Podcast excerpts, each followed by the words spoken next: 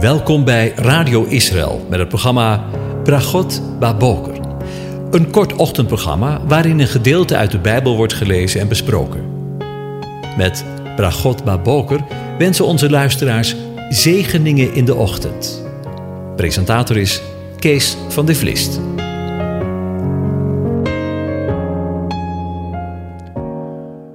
Goedemorgen, Bokatov, beste luisteraars. Vanmorgen wil ik weer verder met u nadenken over Sukkot en het Lofuttefeest. Uh, we lezen hetzelfde stukje even als uh, de voorgaande dag uit Leviticus 23, vers 3. Ik lees het aan je voor. De Heere sprak tot Mozes: Spreek tot de Israëlieten en zeg: Vanaf de vijftiende dag van de zevende maand is het zeven dagen lang Loofhuttenfeest voor de aanwezigen. Op de eerste dag is er een heilige samenkomst. Geen enkel dienstwerk mag u doen. Zeven dagen lang moet u de aanwezigen vuuroffers aanbieden. En op de achtste dag moet u een heilige samenkomst houden en de aanwezigen een vuuroffer aanbieden. Het is een bijzondere samenkomst. U mag geen enkel dienstwerk doen. Dit zijn de feestdagen van de aanwezigen, die u moet uitroepen als heilige samenkomsten om een vuuroffer voor de aanwezigen aan te bieden. Brandoffer en graanoffer, slachtoffer en plengoffers, al naar gelang de voorschrift, het voorschrift voor die bepaalde dag. Letterlijk, de zaak van de dag op zijn dag. Naast de offers op de sabbatten van de aanwezigen, naast uw geschenken, naast al uw gelofteoffers en naast u al uw vrijwillige gaven die u aan de aanwezigen geeft. Maar vanaf de vijftiende dag van de zevende maand, wanneer u de opbrengst van het land ingezameld heeft, moet u het feest van de aanwezigen zeven dagen lang vieren. Op de eerste dag is het rustdag en op de achtste dag is het rustdag. Op de eerste dag moet u voor uzelf vruchten van sierlijke bomen, takken van palmbomen, takken van loofbomen en van beektwilgen nemen en u moet zich voor zeven dagen lang voor het aangezicht van de aanwezigen, uw God, verblijden. Dat feest voor de aanwezigen moet u per jaar zeven dagen lang vieren. Het is een eeuwige verordening. Het is een eeuwige verordening, al uw generaties door. In de zevende maand moet u het vieren. Zeven dagen moet u in loofhutten wonen. Alle ingezetenen van Israël moeten in loofhutten wonen, zodat de generaties na u weten dat ik de Israëlieten in loofhutten liet wonen toen, hen, toen ik hen uit het land Egypte geleid heb. Ik ben de aanwezige, uw God. Zo maakte Mozes de feestdagen van de aanwezigen tot aan de Israëlieten bekend. Ja, over Sukkot en het Loofhuttenfeest gesproken. Het is een oude gewoonte om het boek Prediker te lezen tijdens Sukkot, het Loofhuttenfeest. Prediker vormt een serieuze overpijzing van het leven. We hebben al eerder besproken dat Sukkot, het, het het hoogtepunt is van Simcha, vrolijkheid en plezier. Deze intense vreugde wordt gevierd en ervaren in een wankel gebouwtje, de soeka. De loofhut is kwetsbaar en symboliseert de breekbaarheid van het menselijke leven. De vraag is dan vanzelfsprekend: hoe kunnen we eigenlijk vrolijk zijn als we geconfronteerd worden met tegenslag en ongeluk en ziekte? Interessant is dat er een contrast bestaat tussen de buitenkant van de soeka en de binnenkant. Aan de buitenkant mag het een gammel geheel zijn, maar het interieur van de soeka wordt versierd. Het moet blijheid, vreugde en optimisme uitstralen. Binnen zien we vrolijkheid. Aan de buitenkant blijkt het maar een wankele loofhut, inderdaad. Het omhulsel van de mens is kwetsbaar en wankel. Ons lichamelijk leven duurt niet lang, maar geestelijk gezien mogen we, wanneer we de Heere, de aanwezige kennen, we eeuwig leven van Hem ontvangen. Als puntje bij paaltje komt, beleven we in het laatste echte, diepe vreugde. Op Soekot is een gammele hut met een zeer dun en doorlaatbaar dak. Dat wijst ons erop dat wij ons onderwerpen aan het goddelijke gezag, dat we kunnen vertrouwen op Gods zorg. Onder een hemel, uitsluitend, kan alleen het woord van God aan het leven van jou en mij richting geven. In deze dagen lezen veel Joden ook Ezekiel 38 en 39, waarin de profeet Ezekiel spreekt over de grote oorlog van Gog en Magog. Ik las ergens, net zoals de toren van Babel aan het begin van het menselijke geschiedenis met de grond gelijk gemaakt werd, zo zal het succes van de menselijke kracht, vindingrijkheid, militair overwicht en goed politiek aan het einde der dagen van geen betekenis blijken te zijn.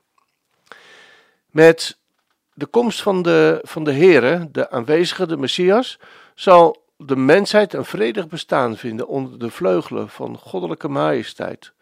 Gods belofte maakt de komst van deze Messiaanse tijd zeker. Op dit moment leven we in een uiterst onzekere dagen. We vragen ons af wat waarheid is en wat niet.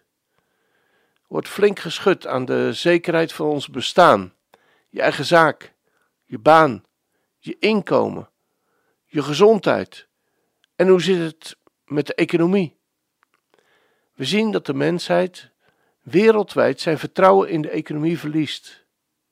Het blijkt dat, net zoals de toren van Babel, we in alles wat we zorgvuldig opgebouwd hebben, uiteindelijk niet het alvast vinden wat we ervan verwacht hebben. We hebben het gezocht in een aardse realiteit. We gaan ons meer en meer realiseren dat we ons niet moeten blindstaren op een glanzende carrière, een nog groter huis, een nog dikkere bankrekening en nog meer vakanties. En vul het maar aan. Er is meer in het leven dan alleen dat. Zo valt de toren van Babel om.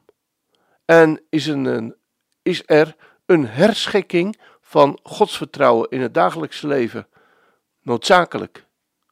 Een bekering, een terugkeer, een return naar het leven waarin we God beleiden dat we als mensheid wegen gezocht en bewandeld hebben die uiteindelijk doodlopen, letterlijk en figuurlijk. Het zijn moeilijke tijden. Het in 2008 ineenvallen van de financiële markt, de economische recessie en een onzekere toekomst. Mensen zijn hun spaargeld, hun baan en zelfs hun huis verloren. En het zal in de crisis waarin we nu zitten, anno 2020, opnieuw, maar in versterkte mate plaatsvinden. Wereldwijd. Wat moeten we doen in deze tijden? beste antwoord is gegeven door een Amerikaanse politicus. Verspil nooit een crisis. Je leert meer in moeilijke tijden dan in makkelijke tijden. Het Hebreeuwse woord voor crisis is masbeer, wat ook bevallingstoel betekent. In het Hebreeuws zijn crisis niet alleen mogelijkheden, maar ook geboorteweeën, als de weeën van een zwangere vrouw. Maar wat de tijden en gelegenheden betreft, broeders, is het voor u niet nodig dat men u schrijft. Want u weet zelf heel goed dat de dag van de Heere komt als een dief in de nacht. Want wanneer ze zullen zeggen er is vrede en veiligheid, dan zal een onverwacht verderven overkomen, zoals de banenzweden een zwangere vrouw. En zij zullen beslist niet ontvluchten. Maar u, broeders, bent niet in de duisternis, zodat die dag u als een dief zou overvallen. U bent allen kinderen van het licht en kinderen van de dag. Wij zijn niet van de nacht en ook niet van de duisternis. Laten wij dan niet, evenals de anderen, slapen, maar laten wij waakzaam zijn en nuchter. Want zij die slapen, slapen s'nachts. En zij die dronken zijn, zijn s'nachts dronken. Maar wij, die van de dag zijn, nuchter zijn, bekleed met de borstharnas van geloof en liefde, en met de hoop van zaligheid als helm. Want God heeft ons niet bestemd tot toren, maar tot het verkrijgen van de zaligheid, door onze Heere Jezus Christus, die voor ons gestorven is, opdat wij, het zij dat wij waken, het zij dat wij slapen, samen met Hem zouden leven. Bemoedig elkaar daarom en bouw de een de ander op, zoals u trouwens al doet. Als dat geen zegen is, ja, we gaan opnieuw luisteren naar het lied Shefet Achim Kamyaga.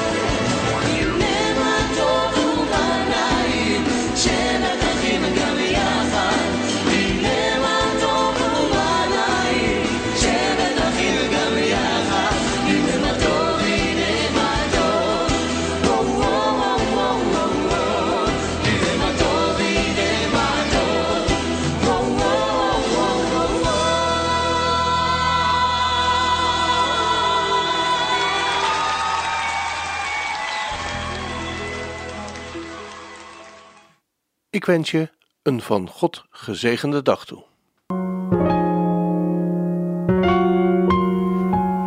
U hebt geluisterd naar het programma Bragot Baboker. Een kort ochtendprogramma waarin een gedeelte uit de Bijbel wordt gelezen en besproken. Wilt u het programma nog eens naluisteren, dan kan dat.